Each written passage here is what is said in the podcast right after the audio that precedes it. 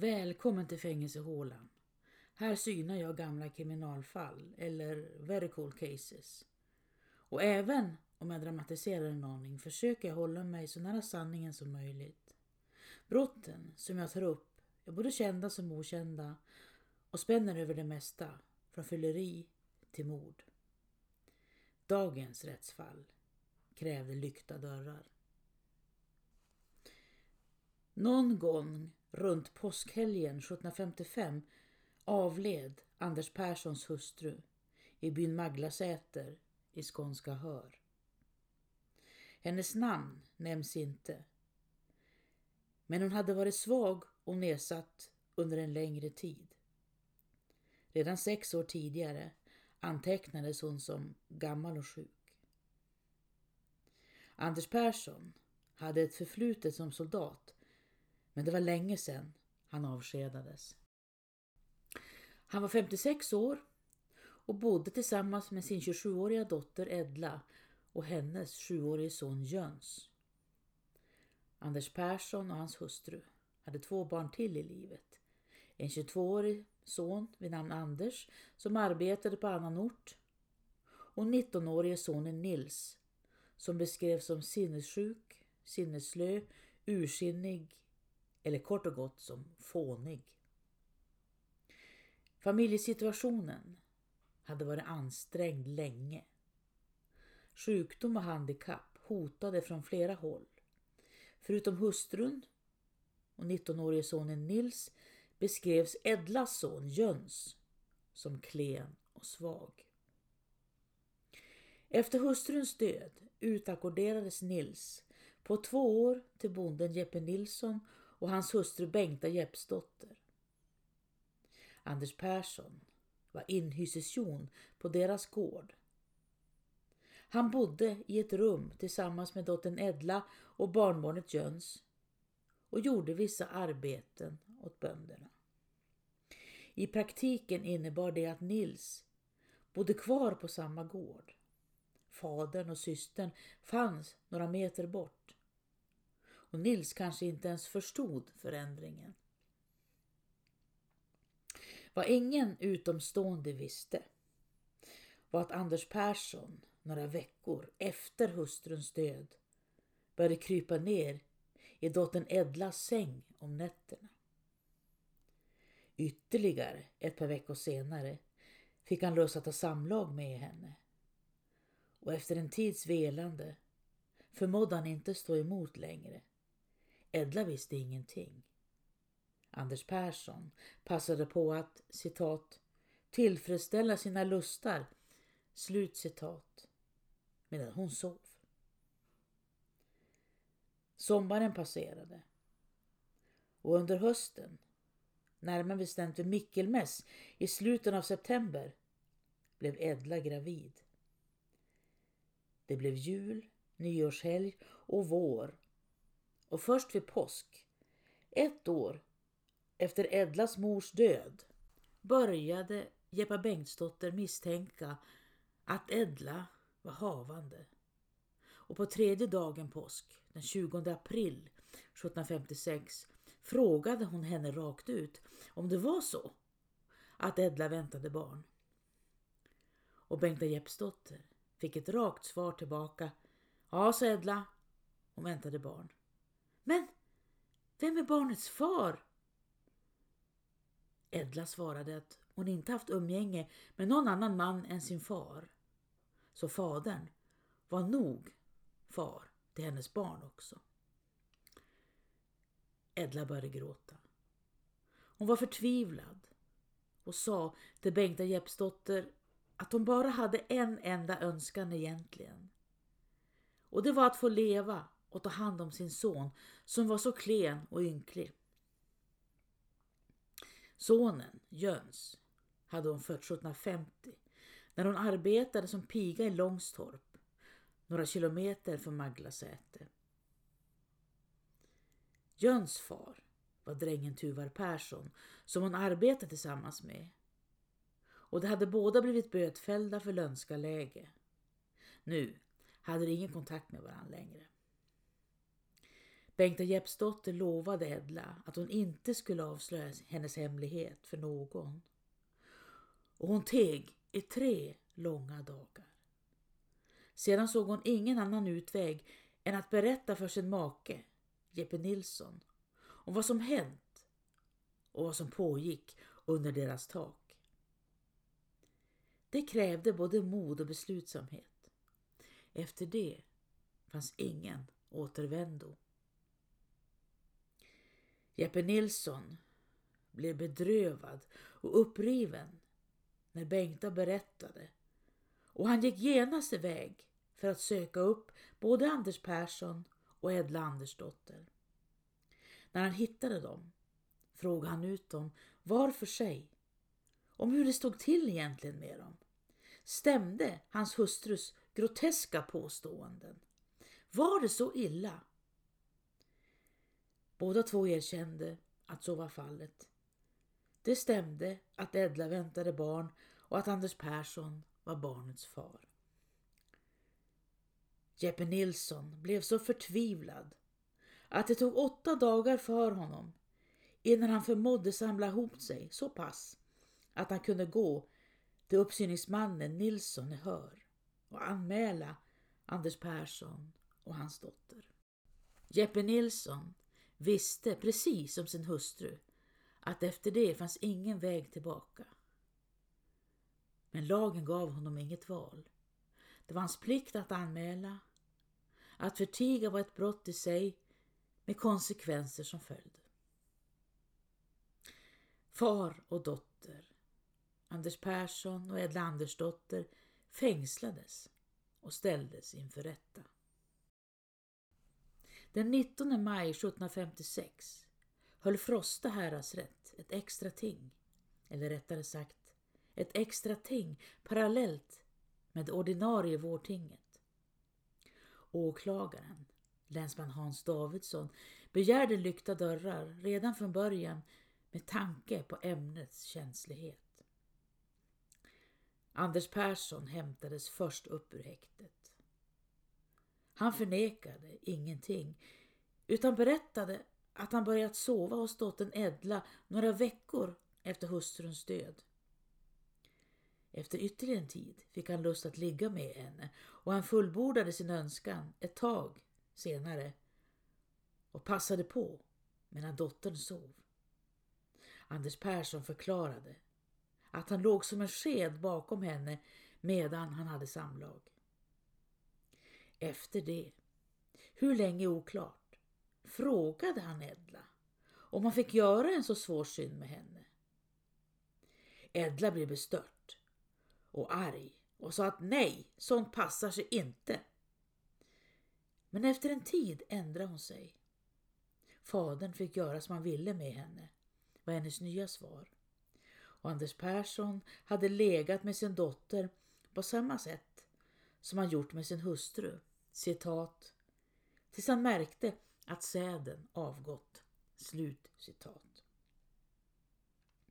Anders Perssons nya berättelse att dottern godmodigt funnit sig i umgänget med honom rimmade illa med det första där han sagt att dottern sovit under samlagen. Och han erkände att det var en lögn. Att han sagt så, att dottern sovit, som ett försök att om möjligt rädda henne från dödsstraffet. Anders Persson var mycket förtvivlad och ångerfull och han grät ymnigt.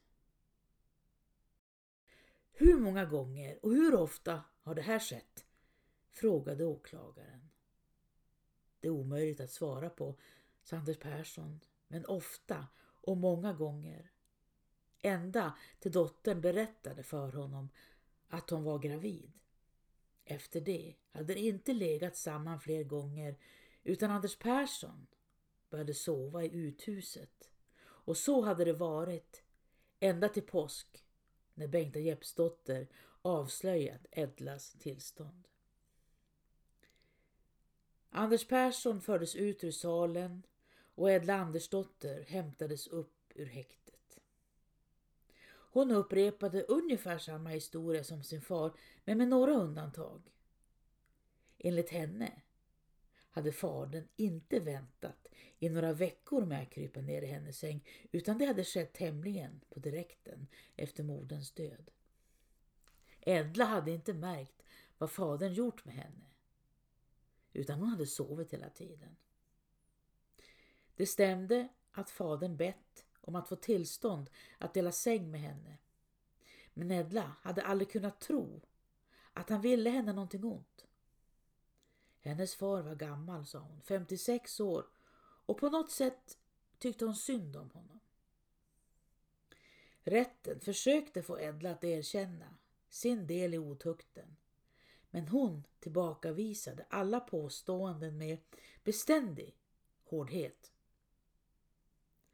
Fadern var skyldig, sa hon, inte hon, och rätten förfasade sig över hennes citat fräckhet och förslagenhet. Slutcitat. Har Edla haft umgänge med någon annan man som kan vara far till hennes barn? frågade Hans Davidsson. Nej, ingen annan, svarade Edla. Mest troligt var det hennes far som gjort henne med barn. Men hon kunde ju inte riktigt veta eftersom det skett under hennes sömn. Varför var Edla fortfarande kvar hemma hos sin far undrade rätten. Och hon svarade att hon visst arbetat borta på annan ort men att hon flyttat hem igen av flera anledningar. Dels på grund av sin lille son som var så sjuklig och hjälplös och som hon ville sköta om på det bästa tänkbara sätt. Dels för att hon önskade hjälpa sina föräldrar som slet så tungt med hennes citat fånige slutcitat bror Nils. Edla påstod självklart och självsäkert att hennes far var den skyldige. Det var han som legat med henne. Hon hade sovit och häradsrätten uppfattade hennes sätt som oerhört fräckt. Tre vittnen hördes under rättegången.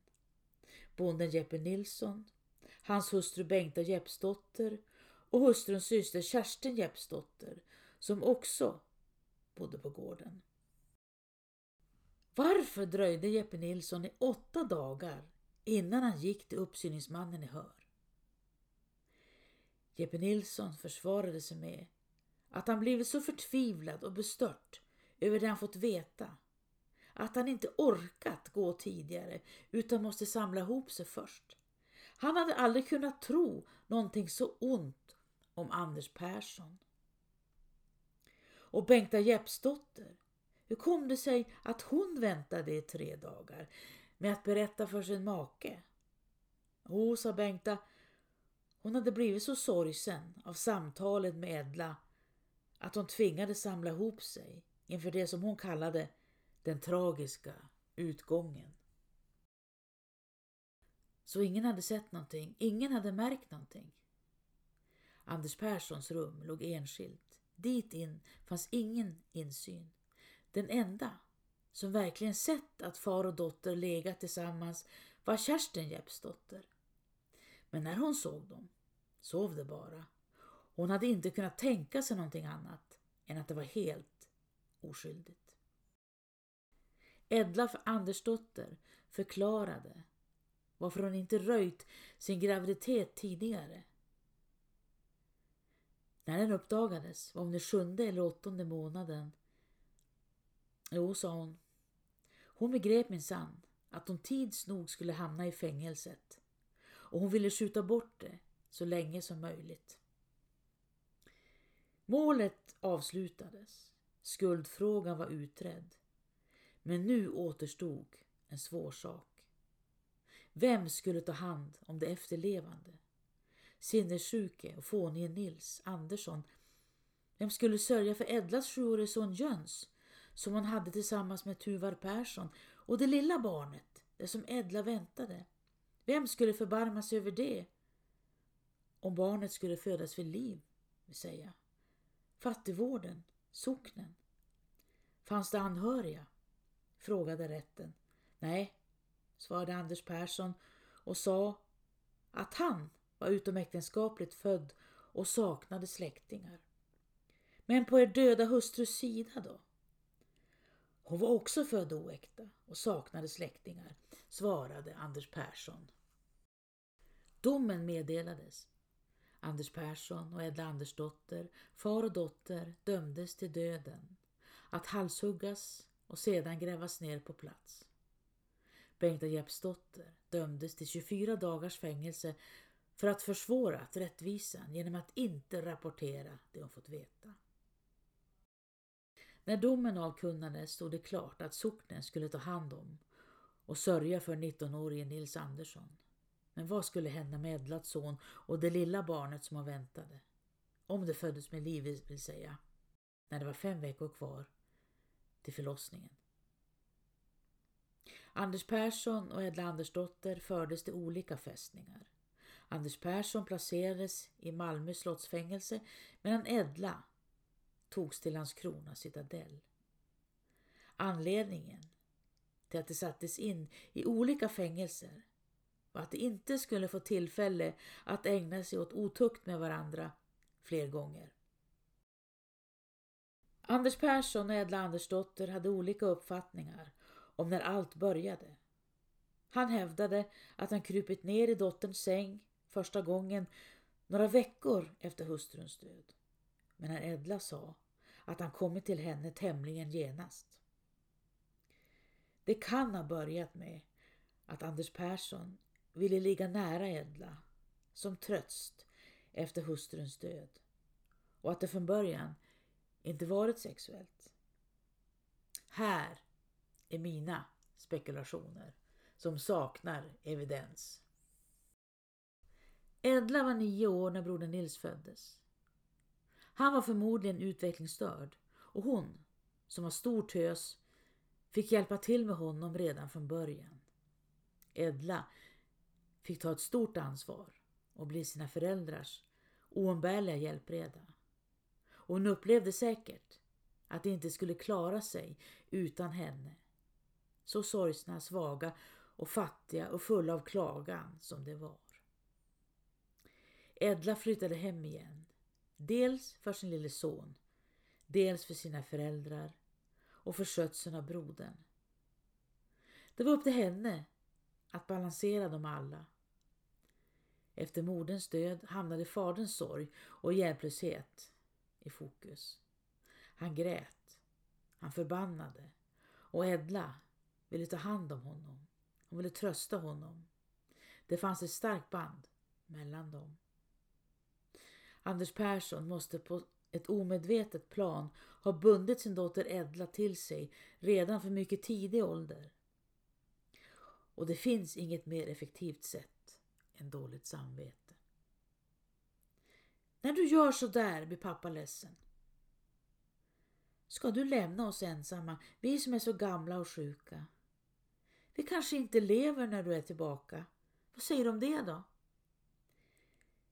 Du vet att vi inte klarar oss utan dig och ändå så gör du så här mot oss. Det är så kallt och ensamt utan din mor. Låt mig få krypa ner och värma mig en stund. Var inte så hård. Tänk inte bara på dig själv. Jag klarar inte av det här annars. Anders Persson hade förlorat sin hustru. Men Edla hade också gjort en förlust och sörjde sin mor. Vad som hänt eller inte hänt gällande sexuella övergrepp under Edlas uppväxt lämnar jag öppet. Men gränserna suddas effektivt ut i små, små steg. Som sagt, spekulationer från min sida. Det verkar som att Anders Persson och Edla Andersdotter kommit överens om att säga att hon sovit sig igenom hela otukten i ett försök att rädda henne från dödsstraffet. De hade tämligen god tid på sig att prata igenom alltihop innan gripandet. Men Anders Persson försade sig tämligen genast. Omgivningen skakades av det som inträffat och det ömkade både Anders Persson och Edla Andersdotter. Deras situation var så utsatt och taffligheten var så stor. Åklagaren begärde lyckta dörrar, det var ovanligt.